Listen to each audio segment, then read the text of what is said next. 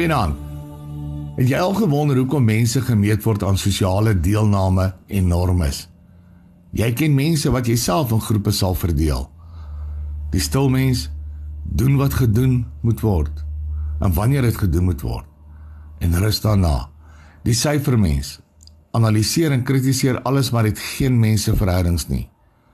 Die mense mens wat almal gelukkig wil sien, tevrede wil stel en deur naïwiteit telke male in die moeilikheid kom. Die ongeluksvoel, as daar iets verkeerd kan gaan, dan gebeur dit met hulle. Die avonturier wat nie kan stil sit nie en baie stories kan vertel. Elke familie het hierdie soorte. Jy ken hulle en herken hulle.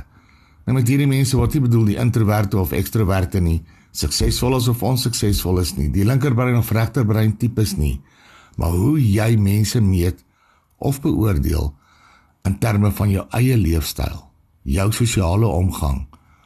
Hoe dink jy sien die Here hulle raak? Spreuke 15 het my baie baie diep laat dink oor hierdie mense soorte vers 3. Die Here sien oral. Hy hou die slegte en die goeie mense dop. En dan lees ons verse 13 tot 15 en dit skep die norm van 'n sosiale maatstaf hoe jy dalk ook mense opsom. Elke iedere een wat jou pad kruis hulle wat jou lewe beïnvloed.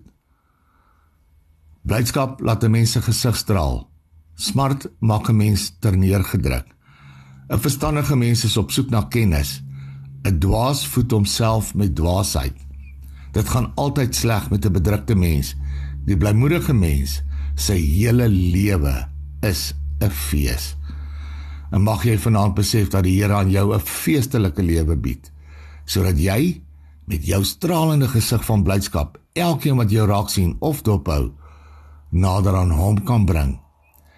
Jou lewe is jou fees.